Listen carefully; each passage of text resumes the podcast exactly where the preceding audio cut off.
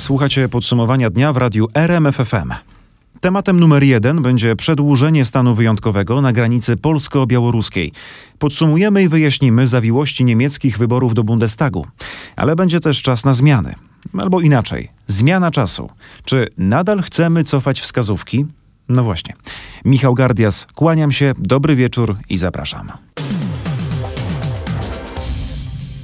Będę rekomendował rządowi przedłużenie stanu wyjątkowego na granicy polsko-białoruskiej o 60 dni. Zapowiedział to minister spraw wewnętrznych i administracji. Mariusz Kamiński podkreślił, że sytuacja się nie poprawia, cały czas jest bardzo napięta i nadal wiele osób próbuje sforsować granice. Jak dodał, jest też wiele prowokacji ze strony białoruskich służb. Jeżeli żołnierz białoruski mierzy do naszego żołnierza z broni długiej, przeładowuje tę broń, po drugiej stronie nasz funkcjonariusz czy nasz żołnierz może myśleć, że za chwilę padnie strzał.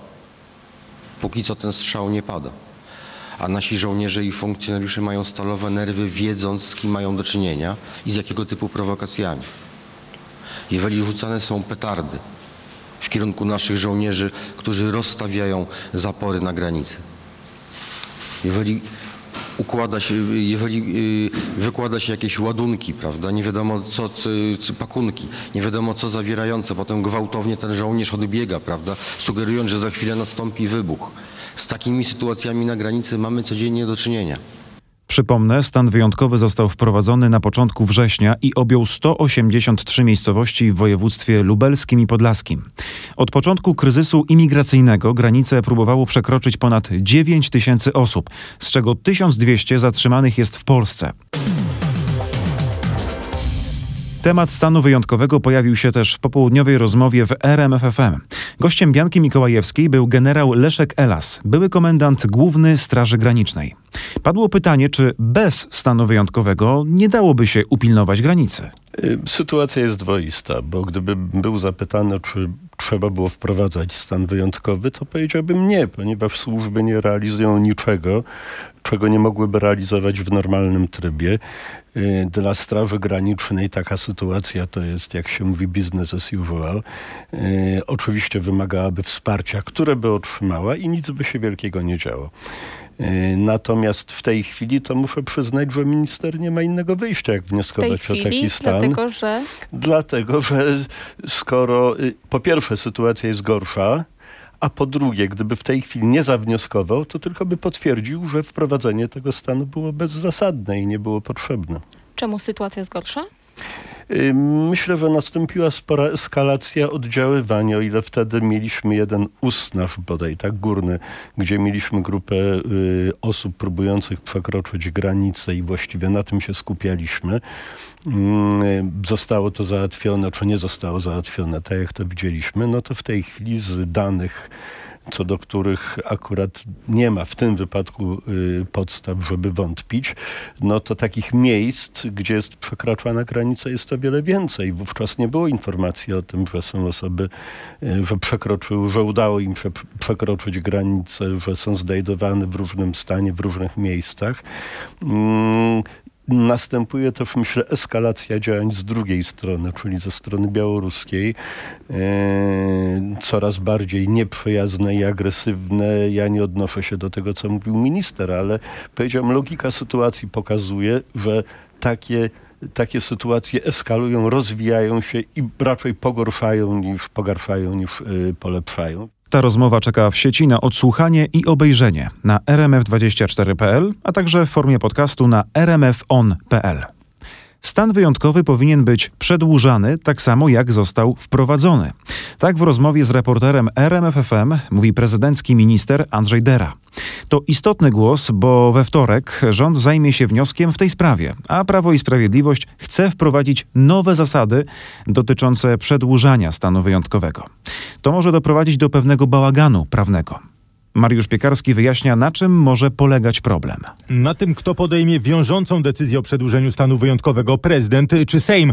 Według Konstytucji stan wyjątkowy rozporządzeniem wprowadza mm, prezydent, a Sejm może jedynie uchylić taką decyzję. W Konstytucji nie ma jednak zdania, że przedłużenie następuje w dokładnie ten sam sposób, więc PiS proponuje, by teraz prezydent składał do Sejmu wniosek o przedłużenie stanu wyjątkowego, więc niejako prosił Sejm o zgodę na to. Powinno być to w tym samym trybie. Najpierw decyzja prezydenta, a potem kwestia ewentualnego uchylenia. Czyli zastosowanie tego samego trybu jak przy Tak jest. Tak, no bo to jest kwestia techniczna, przedłużenie. Sejm może zawsze uchylić e, rozporządzenia. No, nie ma w trybie, żeby prezydent musiał się pytać, jak to zrobić. Na razie nikt z kierownictwa PiSu nie wyjaśnił, dlaczego procedura przedłużania stanu wyjątkowego miałaby być inna niż ta pierwotna. Tym bardziej, że ustawa o stanie wyjątkowym mówi jasno, że przedłużając stan wyjątkowy prezydent wydaje rozporządzenie, a nie składa wniosek do Sejmu w tej sprawie. A teraz sprawa kryzysu imigracyjnego pod innym kątem. Do szokujących ustaleń dotarł nasz dziennikarz. Chodzi o działanie białoruskich służb wobec imigrantów, którym reżim Łukaszenki oferuje ułatwienie wyjazdu na zachód Europy. Reporter RMFFM poznał treść wyjaśnień czterech Syryjczyków, których policjanci zatrzymali koło Ożarowa Mazowieckiego. Co powiedzieli prokuratorowi podczas przesłuchania? O tym Krzysztof Zasada. Syryjczycy poinformowali polskich śledczych, że po przylocie do Mińska ze stolicy Jordanii Amanu, gdzie od kilku lat mieszkali, taksówkami przewieziono ich w pobliże granicy z Polską. Jak twierdzą, w trakcie tej podróży wielokrotnie byli zatrzymywani przez umundurowanych funkcjonariuszy białoruskich służb. Ci mieli ich pobić i zabrać część pieniędzy. Potem doprowadzili ich do granicy i pokazali kierunek marszu. Po zatrzymaniu w Polsce w samochodzie kierowanym przez Ukraińca okazało się, że jeden z imigrantów po pobiciu ma złamaną szczękę. Trafił do szpitala, gdzie przeszedł operację. Syryjczycy dobrowolnie poddali się karze grzywny i przekazano ich Straży Granicznej. Ukraiński kierowca usłyszał natomiast zarzuty udziału w organizowaniu nielegalnego przekroczenia granicy i trafił do aresztu. W podsumowaniu dnia poświęcimy teraz nieco więcej czasu na temat, który od kilku dni komentowany jest przez cały świat. Wybory parlamentarne do niemieckiego rządu. Wyniki wskazują, że z niewielką przewagą wygrała partia SPD, czyli socjaldemokraci, na której czele stoi Olaf Scholz. No ale to nie oznacza, że to właśnie on będzie następcą Angeli Merkel. Właśnie o tym Michał Zieliński rozmawiał z Anetą Łuczkowską, naszą specjalną wysłanniczką do Berlina na czas wyborów. A więc pytanie, dlaczego nadal nie jest jasne, kto zostanie kanclerzem? No bo nikt nie ma w Bundestagu samodzielnie większości kanclerskiej. Większość kanclerska to jest, e, ma miejsce wtedy, kiedy jedna partia albo koalicja ma 50% głosów plus e, jednego e, parlamentarzystę. To jest teraz oszacowane na 367 miejsc w Bundestagu. Bundestag w nowej kadencji będzie jeszcze większy, jeszcze bardziej się niemiecki parlament rozrasta. W 4 lata, przez ostatnie 4 lata było 709 parlamentarzystów, teraz będzie ich aż 700 35, więc e, większość kanclerska to 367 osób, przy czym SPD, które zwycięża, ma 206 miejsc w parlamencie, więc ponad 100 brakuje do tego, żeby móc w ogóle wybrać kanclerza. Mhm. Szybko liczysz, no właśnie tutaj trzeba zaznaczyć, że e, inaczej niż Sejm, Bundestag jest taki elastyczny, w zależności od wyniku wyborów może się trochę rozszerzyć albo odchudzić. E, tak, to, Jak... jest, to, jest, to jest wszystko przez, przez zawiłości niemieckiej ordynacji wyborów. Tak, ale rozumiem, że z tego co mówisz wynika, że lewica ostatecznie się mieści w tym Bundestagu, tak? Tę linkę partia. Tak, tak. Mhm. Lewica, z tego co tutaj patrzę, powinna mieć 39 parlamentarzystów. Mhm. I stąd to rozszerzenie. A jakie w takim razie możliwe są e, koalicje, skoro jeszcze nie jest e, pewne, że kanclerzem będzie szef SPD, e, czy też lider SPD Olaf Scholz? Y, koalicji możliwych jest aż pięć. Y, wszystkie dają większość kanclerską i one są, y, są przeróżne. Taka, taka podstawowa to by było utrzymanie status quo, czyli porozumienia Hadeków z socjaldemokratami. To mieliśmy przez, przez ostatnie 4 lata. Nazywa się to Wielką Koalicją. To by dawało 402 miejsca w Bundestagu. Wystarczyłoby do tego, żeby wybrać kanclerza. Wydaje mi się, że obecnie, po tym gdy liderzy obu partii, SPD i CDU, zapowiedzieli, że mają chęć mają chrapkę na fotel kanclerza i będą o tę, tę pozycję walczyć, takie rozwiązanie na razie wydaje się mniej prawdopodobne. Wydaje mi się, że liderzy obu partii będą zabiegać o głosy zielonych oraz o głosy liberałów z FDP. Takie koalicje nazywane Jamajka oraz Ampel, Ampel to w Niemczech, jeżeli ktoś był w Berlinie, to są tutaj takie bardzo charakterystyczne światła e, na, na drogach, taki ludzik, on się nazywa Ampelman i właśnie stąd się e, wzięła nazwa tej koalicji. Ona jest czerwono-zielono-żółta, tak jak światła drogowe. E, i stąd, to, stąd ta właśnie nazwa. I ta koalicja Ampel, nazywana również sygnalizacją drogową, e, to by była koalicja SPD, Zielonych oraz FDP, taka mm, wydaje się najbardziej naturalna dla socjaldemokratów. Takie warianty były już w przeszłości praktykowane. Natomiast wariant jamański e, oznacza, że CDU z CSU, z CSU dogadałoby się z Zielonymi i FDP. Czy jest to wariant realny? Jeżeli mieliby bardzo dobre karty, jeżeli by zaproponowali coś naprawdę ekstra, to myślę, że być może Zieloni i FDP skusiliby się na wejście w koalicję z CDU-CSU. Największą koalicją, która jest możliwa w tym rozdaniu w Bundestagu, byłaby koalicja kenijska. E, nazwa pochodzi od e, barw flagi Kenii. Ona by mm, była złożona z SPD, CDU oraz Zielonych. E, druga koalicja pod względem wielkości nazywa się Niemcy Deutschland. E, to by było SPD, Unia oraz FDP. Natomiast te dwie koalicje wydają mi się bardzo mało prawdopodobne, bo jeżeli e, CDU CSU dogadałoby się z socjaldemokratami i zgodziliby się kontynuować e, to, co teraz przez ostatnie 4 lata praktykowali, o ile któryś z liderów poszedłby na mm, ustępstwo i zgodziłby się na przykład na fotel wicekanclerza, no to już by nie potrzebowali przystawki w postaci mniejszej partii politycznej z Bundestagu. Polecam radio RMF24, tam jeszcze więcej takich rozmów i komentarzy. Zawsze najbardziej aktualne informacje, jeszcze szybciej i jeszcze więcej. Wracamy do sprawy tragicznej śmierci prezydenta Gdańska, Pawła Adamowicza. Stefan W., który jest podejrzany o jego zamordowanie, nie był całkowicie niepoczytalny. Jak nieoficjalnie ustalił reporter RMFFM, właśnie na to wskazuje trzecia ze zleconych w tym śledztwie opinii biegłych psychiatrów. Co ta najnowsza opinia może oznaczać? Czy Stefan W. będzie mógł zostać osądzony, czy też sprawa zabójstwa zostanie umorzona, a on trafi na leczenie w zamkniętym ośrodku? No o tym już Kuba Kaługa. Przede wszystkim nie wyklucza tego, by Stefan W. mógł odpowiadać w procesie karnym i zostać osądzony i skazany, a tak byłoby, gdyby biegli wykazali całkowitą niepoczytalność. Z moich nieoficjalnych ustaleń wynika, że to wykluczone.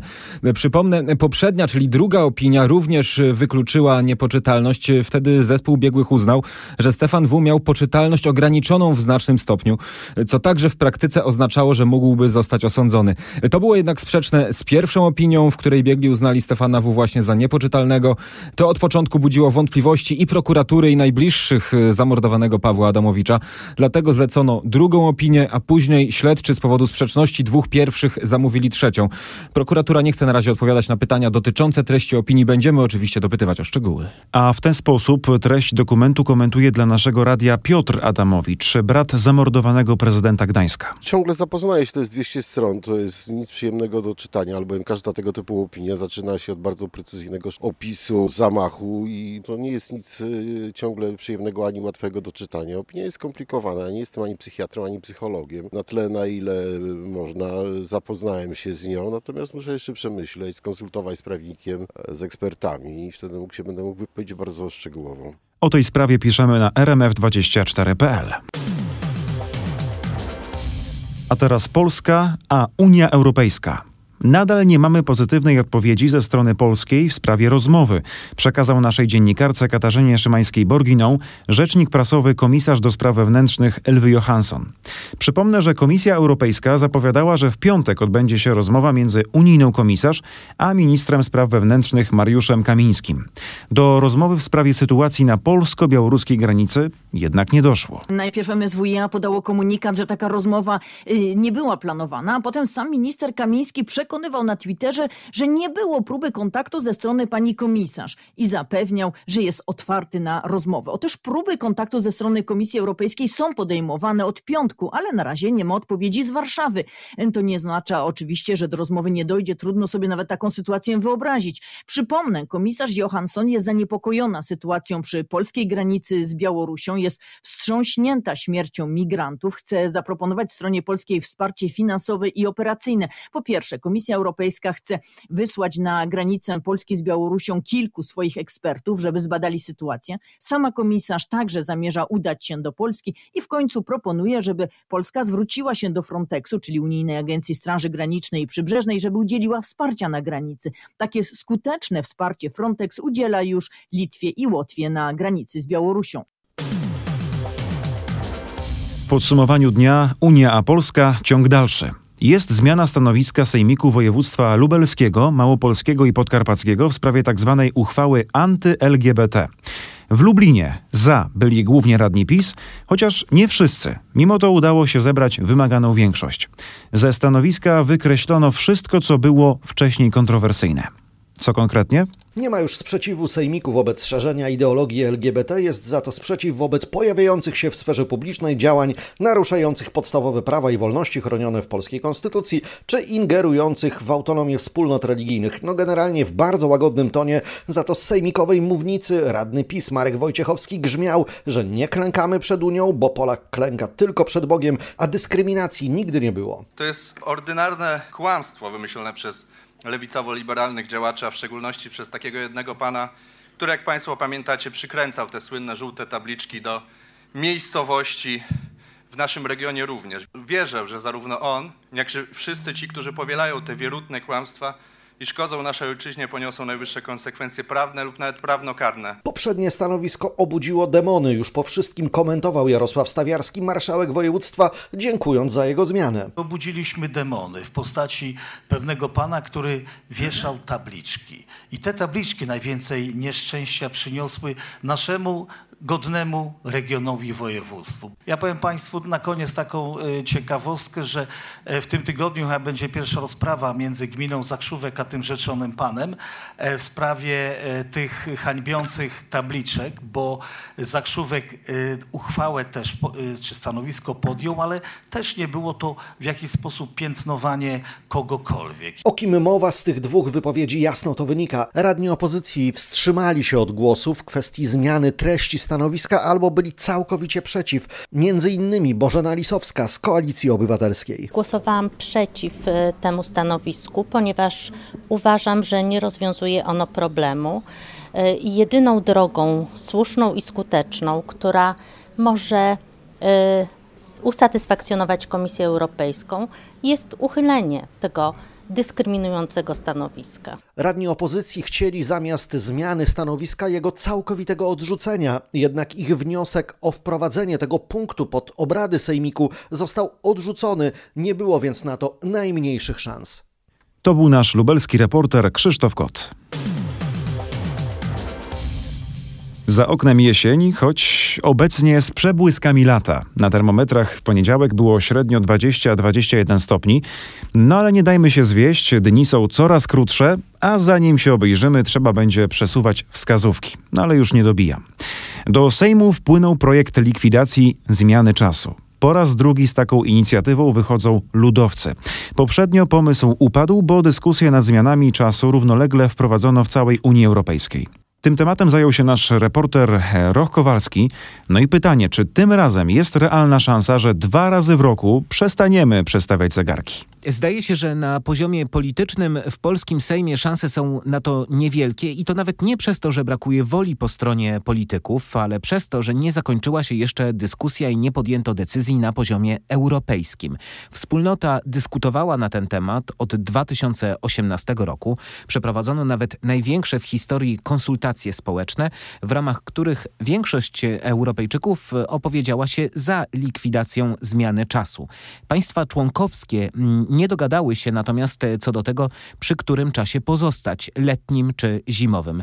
Decyzję więc odłożono, następnie została ona przesuwana, była ona przesuwana przez względy e, covidowe, po prostu były inne, ważniejsze tematy w Unii Europejskiej do załatwienia. Teraz warto e, do tej dyskusji powrócić, e, przekonywał rzecznik ludowców Miłosz Motyka, bo przestawianie zegarków, jak tłumaczył, jest po prostu rozwiązaniem archaicznym. Wpływa negatywnie na zegar biologiczny, wpływa negatywnie na ekonomię, nie przynosi żadnych oszczędności, jeśli chodzi o energię. Jeśli zaczną to robić kolejne państwa członkowskie, wtedy myślę, że cały Parlament Europejski i Komisja Europejska wskaże, że taka szkodliwa zmiana czasu będzie zniesiona na terenie całej Unii Europejskiej. Prace w parlamencie, w polskim parlamencie na pewno potrwają, podobnie jak dyskusja jeszcze wewnątrz samej Unii Europejskiej, choć jak przekonują ludowcy, Polska mogłaby wystąpić w tej sprawie akurat w roli pioniera i zapoczątkować taką oddolną, można byłoby powiedzieć, inicjatywę na rzecz zmiany, likwidacji zmiany czasu.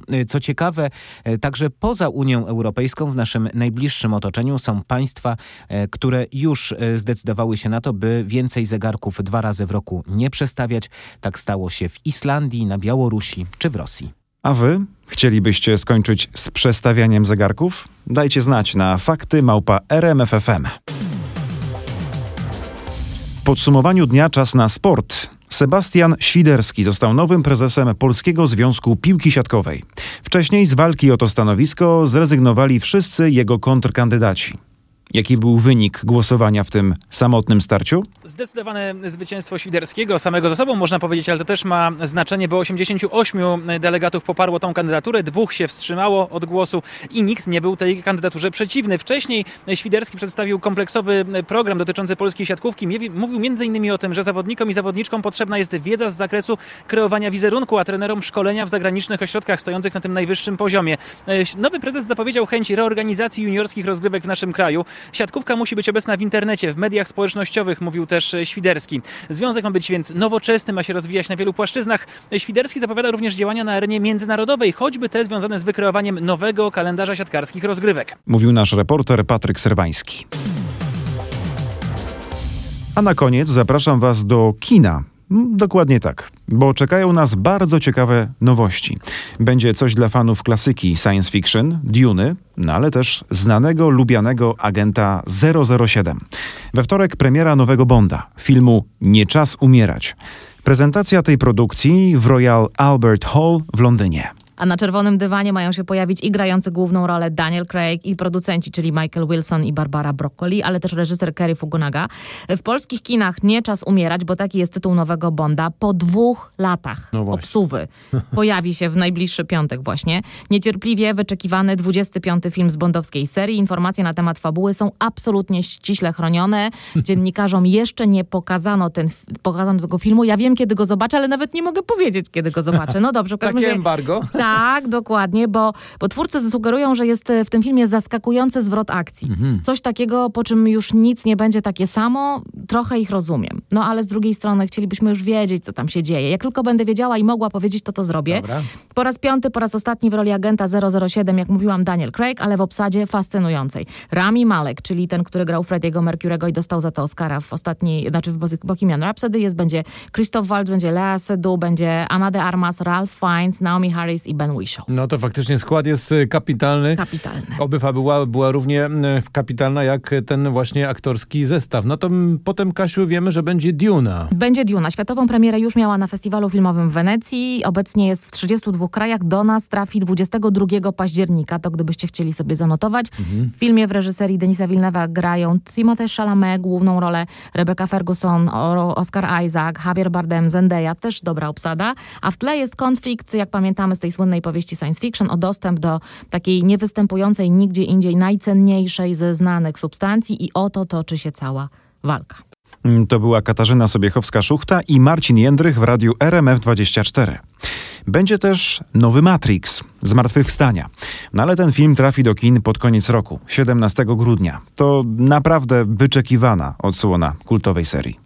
I tym kończymy podsumowanie dnia w RMFFM. Michał Gardias, kłaniam się, bardzo dziękuję za uwagę i słyszymy się już jutro.